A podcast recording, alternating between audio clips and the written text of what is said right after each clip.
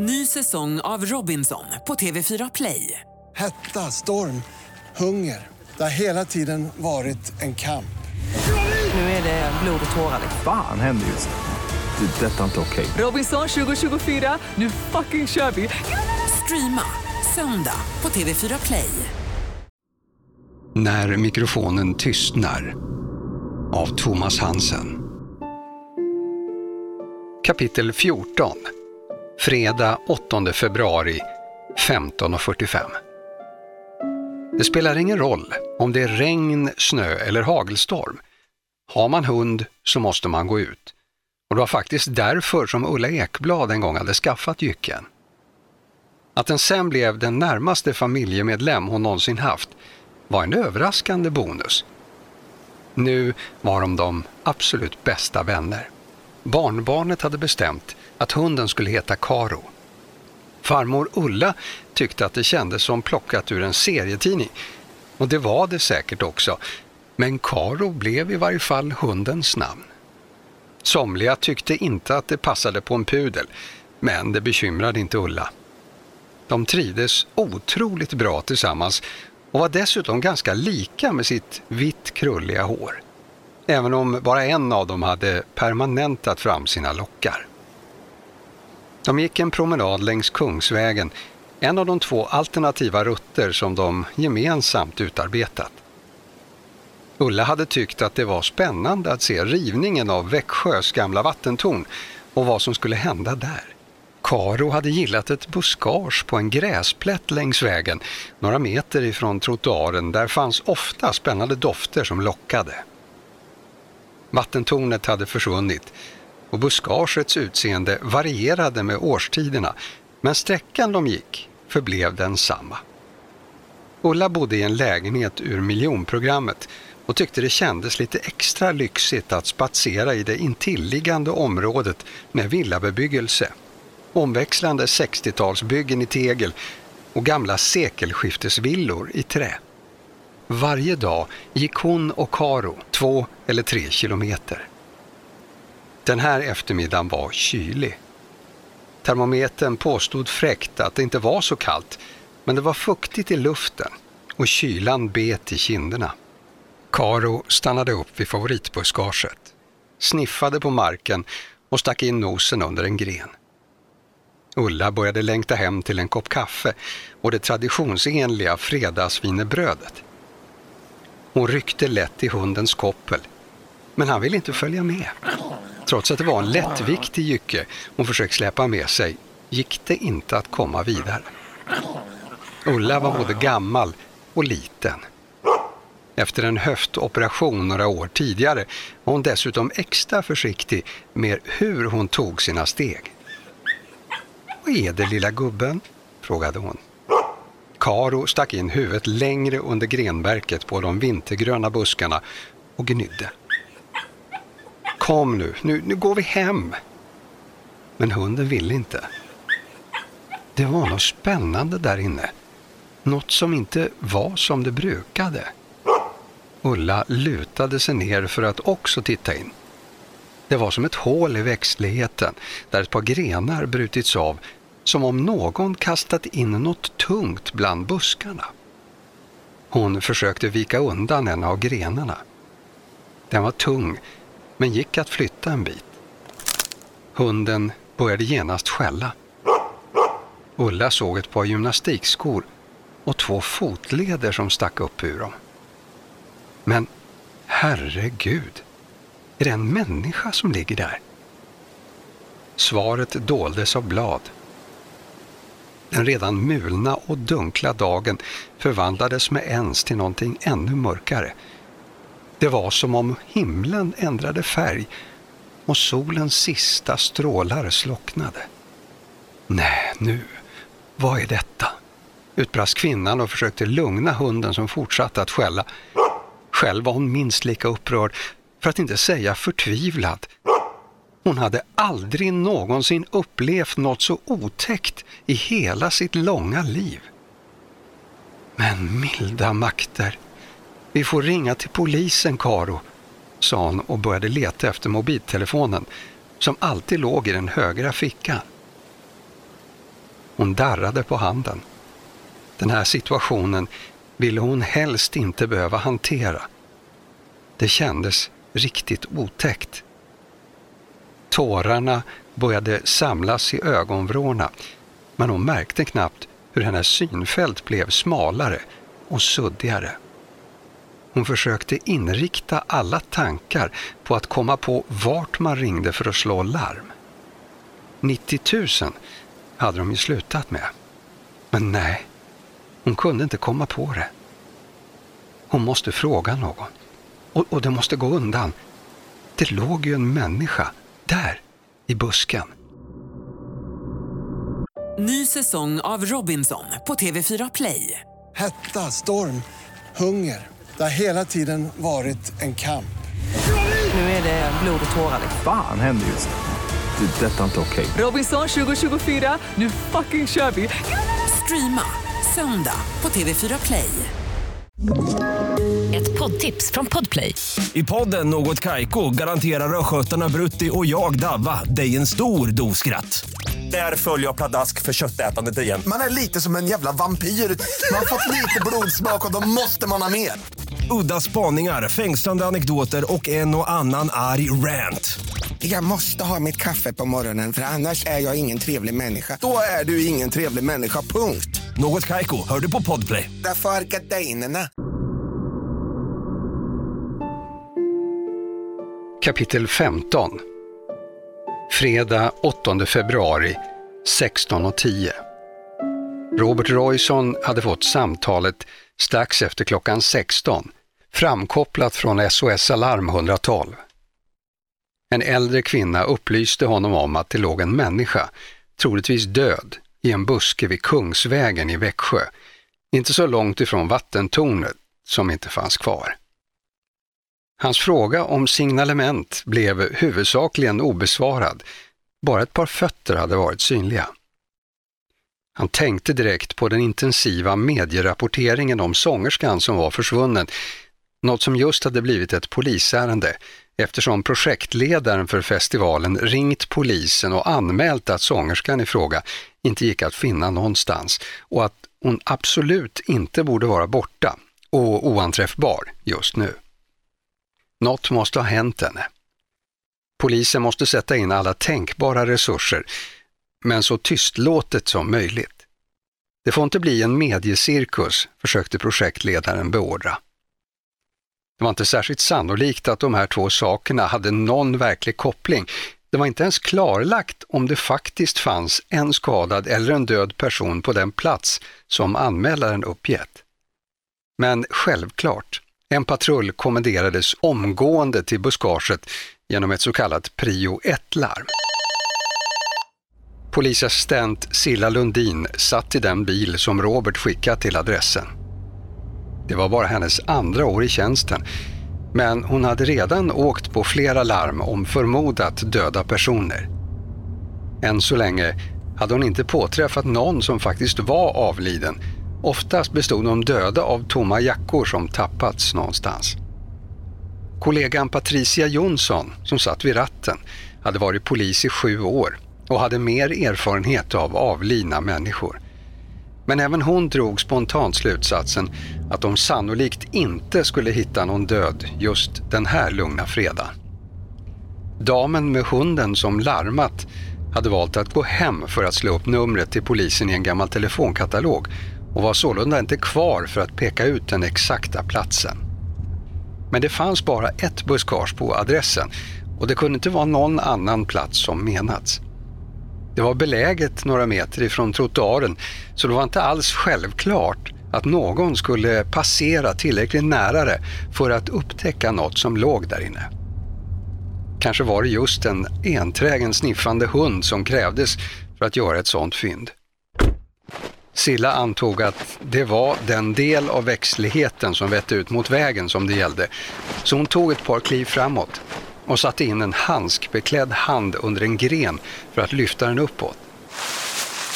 Det verkade som om ett par grenar brutits av. Två delar hängde löst neråt och skapade en liten grop i bladverket. Hon ville vara försiktig. Om det faktiskt låg en död människa där inne så ville hon inte göra åverkan på något sätt som förändrade helhetsbilden av fyndplatsen. Patricia hade parkerat bilen halvvägs över en trottoar och stod nu strax bakom Silla. Hur ser det ut? undrade hon. Ja, det är ett par brutna grenar här, svarade Silla och jag antar att det är här som det skulle finnas någonting. Hon lyfte försiktigt på den översta grenen och såg en skymt av ett par vita Adidas. Silla ryckte till. Precis samtidigt som grenen lossnade. Väste hon, men höll kvar greppet om busken. Patricia satte sig ner på huk och kikade in i glappet under den gren som nu hängde ännu mer löst än tidigare. Båda poliserna kände hur deras hjärtan började slå snabbare. Jo, det ligger någon där. Jag ser ett par ben. Vi måste flytta grenarna. Silla drog bort den avbrutna grenen och la ner den bakom sig. De båda poliserna böjde tillsammans undan den andra grenen och tittade ner på två ben som ytterst sparsamt doldes av en svart läderkjol, så kort att den knappt förtjänade att kallas kjol. Inte något plagg man valde för en eftermiddagspromenad en kylig februaridag. Patricia fattade genast sin rakelenhet för att kunna anropa länskommunikationscentralen LKC. Fler enheter behövdes. Befälet bekräftade att så skulle ske och meddelade även att en ambulans snart skulle vara på väg. Det behövde inte motiveras för patrullen. De kunde reglerna. En polis får inte dödförklara en människa såvida huvudet inte är separerat från resten av kroppen. Den unga kvinnan på marken skulle dock garanterat aldrig andas mer. Hennes puls var obefintlig Ögonen var uppspärrade, stela och livlösa och på huvudets vänstra sida syntes en brunröd, smutsig yta som kunde förmodas vara en blandning av jord och levrat blod. Kroppen var nerkyld och täcktes av ett tunt lager av frost. Med andra ord så hade den legat där en stund. Hur länge var andra bättre lämpade att bedöma. De båda poliserna försökte lägga band på känslorna inför synen genom att anstränga sig att agera strikt professionellt. Det emotionella fick vänta till senare. De kände båda behov av ett par minuters mental vila men var först tvungna att spärra av platsen med de blåvita plastband som alltid fanns i polisbilens bagageutrymme. Därefter lutade de sig mot sin bil och väntade på att förstärkningarna skulle anlända. Inte minst teknikerna. Här skulle varenda frostigt grässtrå komma att undersökas. Du, visst är det den där sångerskan? Frågade Patricia sin kollega som satt på kanten av motorhuven. Ja, svarade Silla torrt. Och sen blev det tyst i flera sekunder. Stackarn, fyllde Patricia i. Hennes röst förmedlade både ledsamhet och medlidande. Till föga tröst för den unga kvinnan på marken.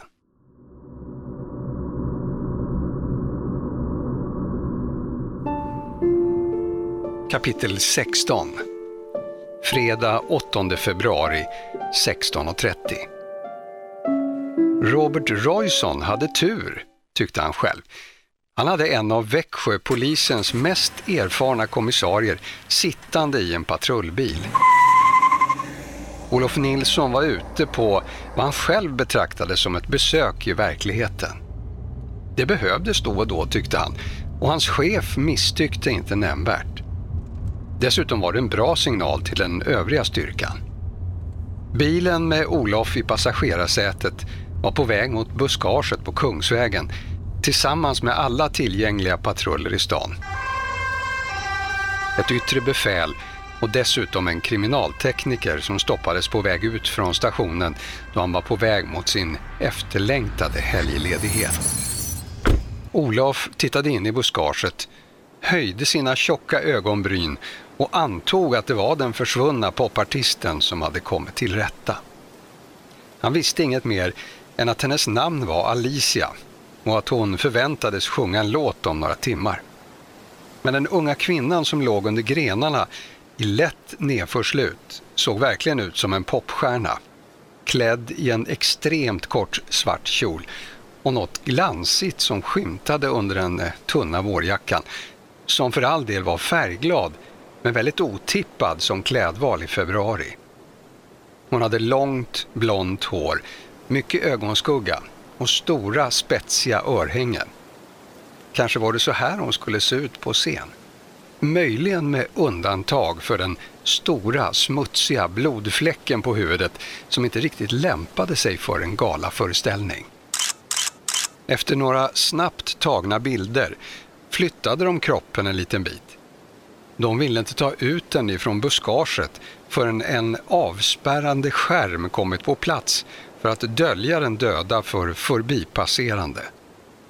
Några av de yngre poliserna bekräftade att det verkligen var den försvunna artisten som låg där framför dem. Hennes ena arm var onaturligt böjd. Den låg snett bakom ryggen över en liten ryggsäck som satt på kvinnans rygg. Silla Lundin sökte försiktigt igenom jackfickorna som var tomma. Hon öppnade varsamt ryggsäcken men kunde inte kontrollera allt innehåll förrän de kunnat vända över kvinnan på mage. Det verkade som om väskan innehöll en sladd och ett par skor, ja, eller åtminstone en sko med hög klack. I ett ytterfack låg en kreditkortshållare innehållande några plastbrickor, en hundrakronors sedel och ett ID-kort. Kvinnans namn var Alicia Maria Silvana Nordsten. Avsaknaden av mobiltelefon förbryllade. Antingen hade en 19-åring en telefon eller så hade hon blivit bestulen på den. Det fanns inga fickor på den korta kjolen och övriga plagg var redan genomsökta. Vänta lite, sa Silla och förde in handen innanför kvinnans tröja. Strax därefter fiskade hon fram en iPhone av den senaste modellen. Jaha, var fanns den då? undrade Olof. I bhn. Det är ett bra ställe att gömma saker. Det var en nyhet för Olof, men han måste medge att det var uppfinningsrikt. Det yttre befälet hade anlänt, men Olof var den som alla tittade på och förväntade sig ett ledarskap ifrån. Efter en kort diskussion bestämdes att försöka skjuta upp tillkännagivandet av fyndet så länge som möjligt. Både för att förekomma medias spekulationer som skulle kunna påverka eventuella vittnen eller uppgiftslämnare och för att få en chans att underrätta de anhöriga som per automatik också blev de första att överväga som misstänkta i den händelse den döda kvinnan skulle visa sig ha blivit brakt om livet. Statistiken talar sitt tydliga språk. Det är nästan alltid någon av de närmaste som är skyldiga. Erkki Virolainen var denna fredag en synnerligen butter man. Han skulle just hem till sin fru som däckats av säsongens influensa när han blev stoppad i utgången från polishuset. Det var meningen att helgen skulle ägnas åt de hembjudna barnen och barnbarnen men redan på morgonen så hade de bestämt sig för att de måste ställa in. Det var bittert. Men nu skulle han i alla fall inte missa dem om han blev tvungen att jobba både kväll och helg. Alltid något positivt i denna nattsvarta situation. Han hade tagit sin egen bil till brottsplatsen, eller fyndplatsen som egentligen var det enda säkra epitetet på den än så länge. Sedan många år var han den främste brottsplatsutredaren vid polisen i Växjö. Tidigare var de två som jobbade sida vid sida, men parhästen hade lämnat honom efter en utdragen cancerplåga i början av 2000-talet.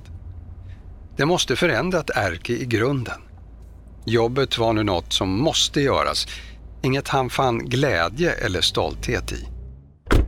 Kollegorna hade spärrat av platsen så att inga spår skulle förstöras.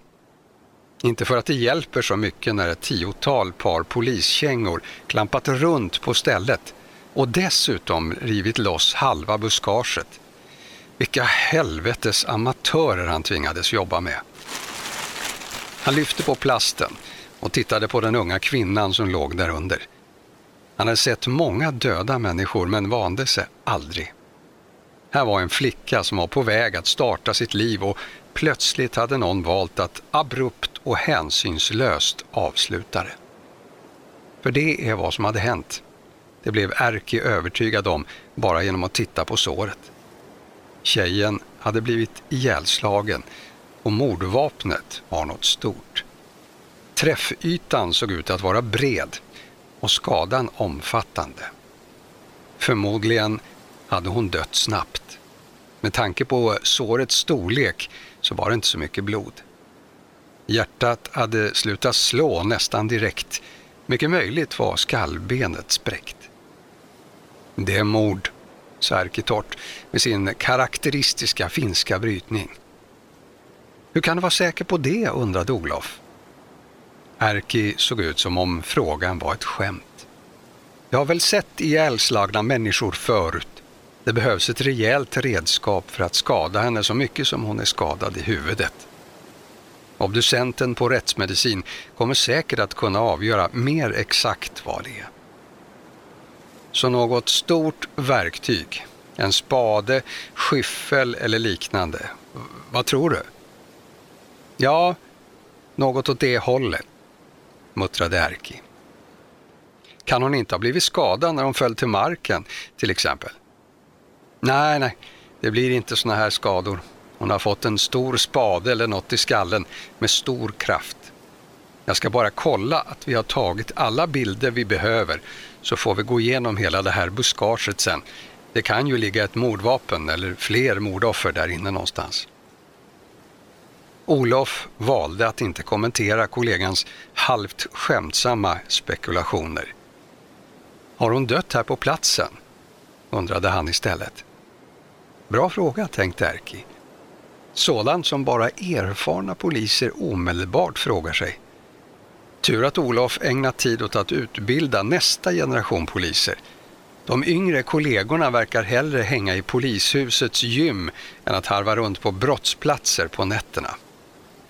Erki skyndade sig att svara på kollegans fråga om fyndplatsen också var brottsplatsen. Ja du, säg det. Är det bara kladdigt och förstört. Hon kan lika gärna ha blivit ihjälslagen på något annat ställe och sen dumpad här.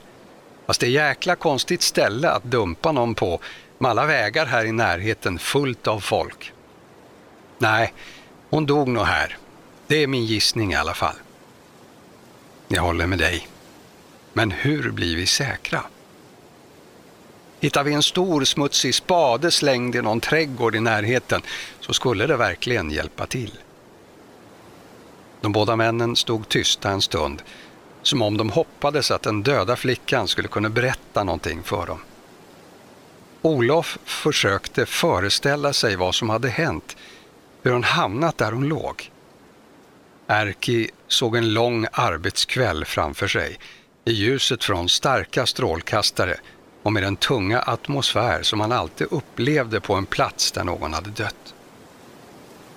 Han drog en djup suck och önskade just nu att han suttit i sin favoritfåtölj och läst om Emil i Lönneberga för något av barnbarnen. Kan du säga hur länge hon har varit död? Det får läkaren svara på, det vet du, svarade Erki tungt. Jo, det visste Olof, men om någon annan har en bättre aning så kan man ju alltid fråga. Erki brukade inte uttala sig om sånt han inte kände sig säker på. Och säkra fakta var det verkligen en bristvara på just nu.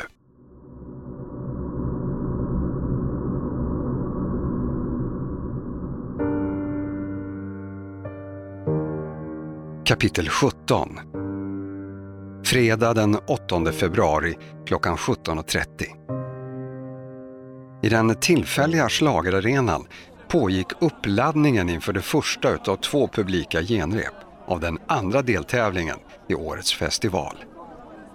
Erik Holm och de lätträknande kollegorna hade ställt sig med sina kameror och mikrofoner mitt i entrén och var i vägen för mer eller mindre alla som passerade. Runt omkring dem så var kioskerna laddade med godis Barerna var fyllda med öl, vin, sprit och läsk. Funktionärerna som skulle bemanna garderoberna hade tagit på sig bekväma skor för att orka med kvällens arbete. Några hade varit med förut. Det var inte första gången Växjö arrangerade en festivaldeltävling. Det var inte något som alla städer kunde klara. Dels måste det finnas en tillräckligt stor arena för evenemanget och dels måste kommunen hosta upp en del slantar.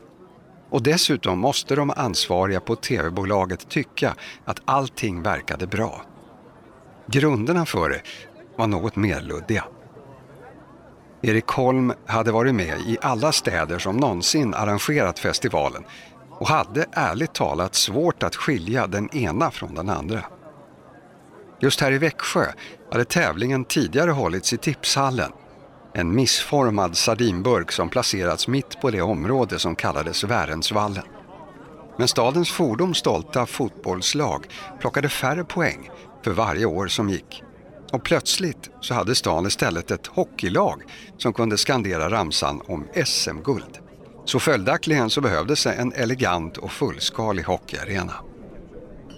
Denna plåtskapelse fick föga lämpligt sitt namn efter ett sågverksföretag som erbjöd klirr i kassan och som kom att heta Vida Arena. Erik hörde plötsligt höga röster eka mellan väggarna och de stora glasrutorna. Alicia Nordstens pojkvän sprang förvirrat runt i arenan och hotade folk med stryk om de inte talade om var hans tjej var. Inte mindre än fyra ordningsvakter krävdes för att brotta ner bråkstaken och under tumult släpa iväg honom. Så vitt Erik kunde se fanns inga poliser i närheten. De kunde visserligen inte vara så många i Växjö, men några borde väl vara i närheten. Jonas Torstensson och Camilla Berg var de första poliserna att skickas tillbaka till arenan. På väg genom staden så fick de direktiv att inledningsvis lokalisera den person som skulle vara pojkvän till den mördade och som nu gått bärsärkagång i lokalerna. De skulle upplysa honom om hans flickväns öde om de ansåg det lämpligt i situationen, alternativt förhöra honom om vad han gjorde på arenan och vad han visste om flickvännens försvinnande. Olof Nilsson var samtidigt på väg för att tillsammans med en kollega prata med tv-produktionen och söka upplysningar. Vi har fortfarande inte fått tag på Alicia eller Karl Nordsten. Det meddelade tv-producenten omedelbart när kommissarie Nilsson klev in i rummet. Vi är mycket angelägna om att få tag på Karl Nordsten så snabbt som möjligt, sa Olof. Har ni några nya uppgifter om var han kan befinna sig? Men Alicia då?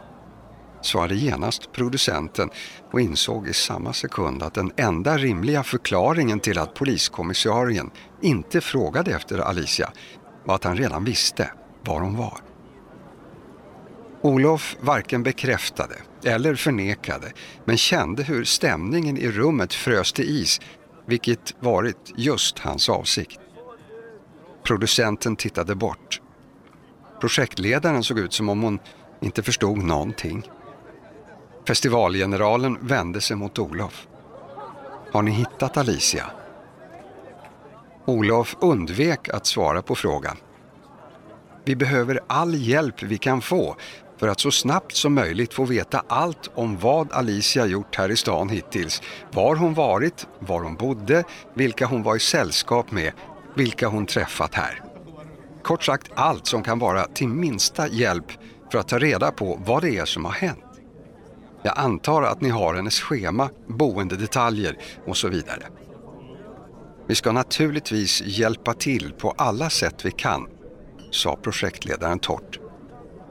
Jag ska be vår koordinator att ge er alla uppgifter vi har. Vi är tacksamma för all hjälp så fort det går. Vad är det som egentligen har hänt henne? frågade projektledaren i ytterligare ett försök att få polisen att berätta något han inte ville.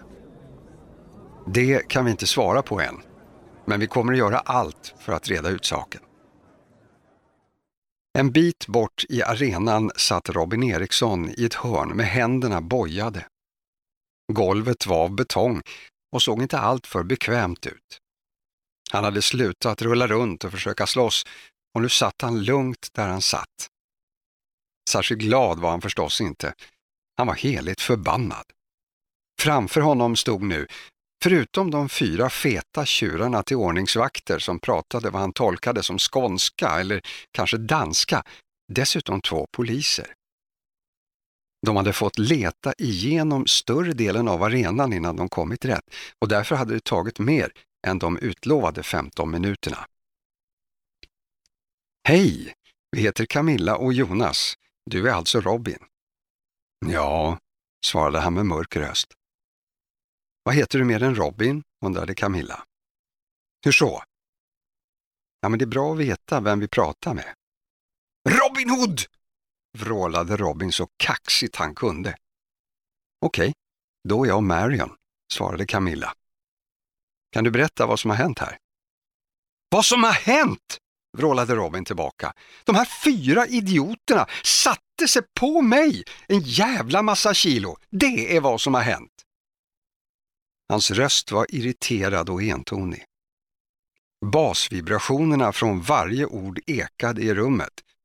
Han var den enda på platsen som inte talade småländska. Vakterna betraktade instinktivt hans Stockholmsdialekt som dryg. Du har tydligen stört ordningen här på arenan. Ja, men jag försöker leta upp min flickvän som ska vara här, okej? Okay? Hon är försvunnen och jag måste hitta henne. Han tittade bort, som om samtalet därmed var avslutat. Vad heter din flickvän? Alicia, Alicia Nordsten. När såg du henne sist? Robin mötte återigen polisens blick, som om han fick en svag förhoppning om att de faktiskt var där för att hjälpa honom i sökandet. Jag vet inte, i natt. I morse var hon borta, men nu ska hon alltså vara här. Det har inkommit en anmälan om att hon är försvunnen. Vet du var hennes pappa befinner sig? Ingen aning. Honom vill jag inte se. Det är en jävla idiot. Men vad är det som får dig att säga så? Robin ryckte med armarna samtidigt som han svarade. Han är en jävla douchebag. Han tror att han äger hela jävla världen och det är säkrast för honom att han ser till att Alicia kommer fram här och nu. Det är han som bestämmer allt hon gör hela tiden, precis var hon ska vara och säga och, och fucking allting. Robins upphetsning ökade mer och mer. Hade han inte suttit intryckt i ett hörn med händerna fastbojade så hade han förmodligen skuttat upp som en Duracellkanin och börjat fäkta i alla tillgängliga riktningar. Jonas och Camilla utbytte en blick. Den räckte för att de skulle förstå att de var överens om att inte säga något om Alicias död just nu. Camilla fortsatte att leda samtalet. Det är så här Robin, vi behöver prata mer med dig om Alicia och därför vill vi att du följer med oss till polisstationen. Och dessutom så har du röjt runt och skapat oro här. Det är också något som vi måste prata om. Killarna här kommer att hjälpa dig upp och ta av dig handbojorna och sen vill vi att du går med oss till vår bil lugnt och stillsamt och åker med oss. Funkar det för dig? Ja, men det är inte jag som har gjort något. Jag försöker fan fixa allt det här. Jättebra. Då vill vi samma sak.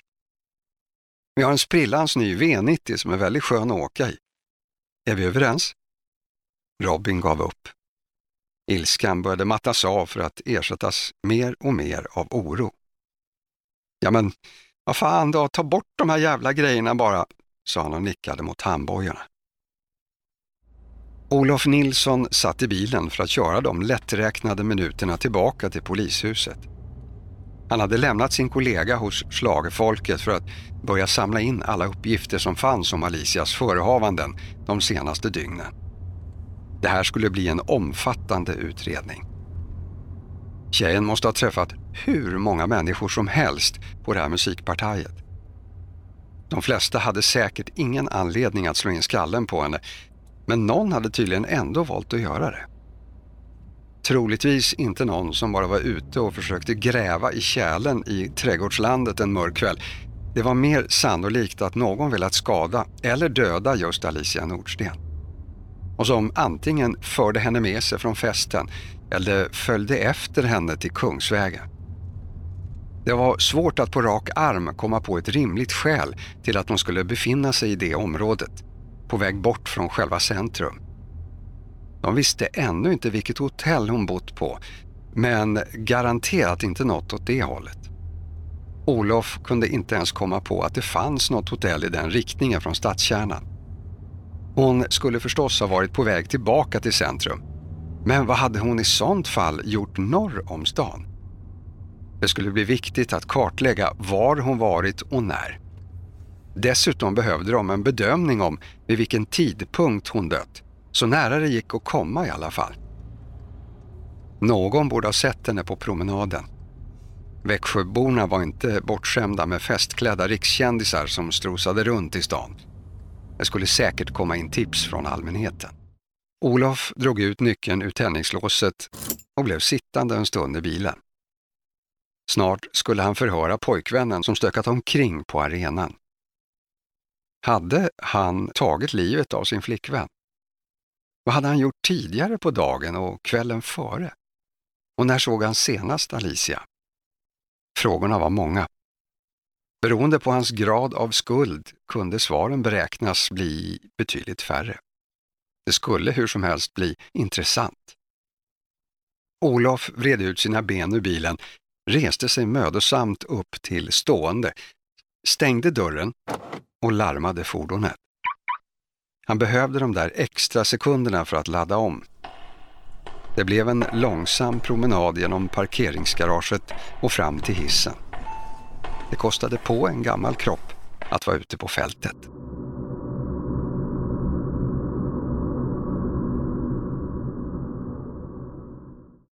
Ny säsong av Robinson på TV4 Play. Hetta, storm, hunger. Det har hela tiden varit en kamp. Nu är det blod och tårar. Fan händer just. Det. är Detta är inte okej. Robinson 2024, nu fucking kör vi! Streama söndag på TV4 Play.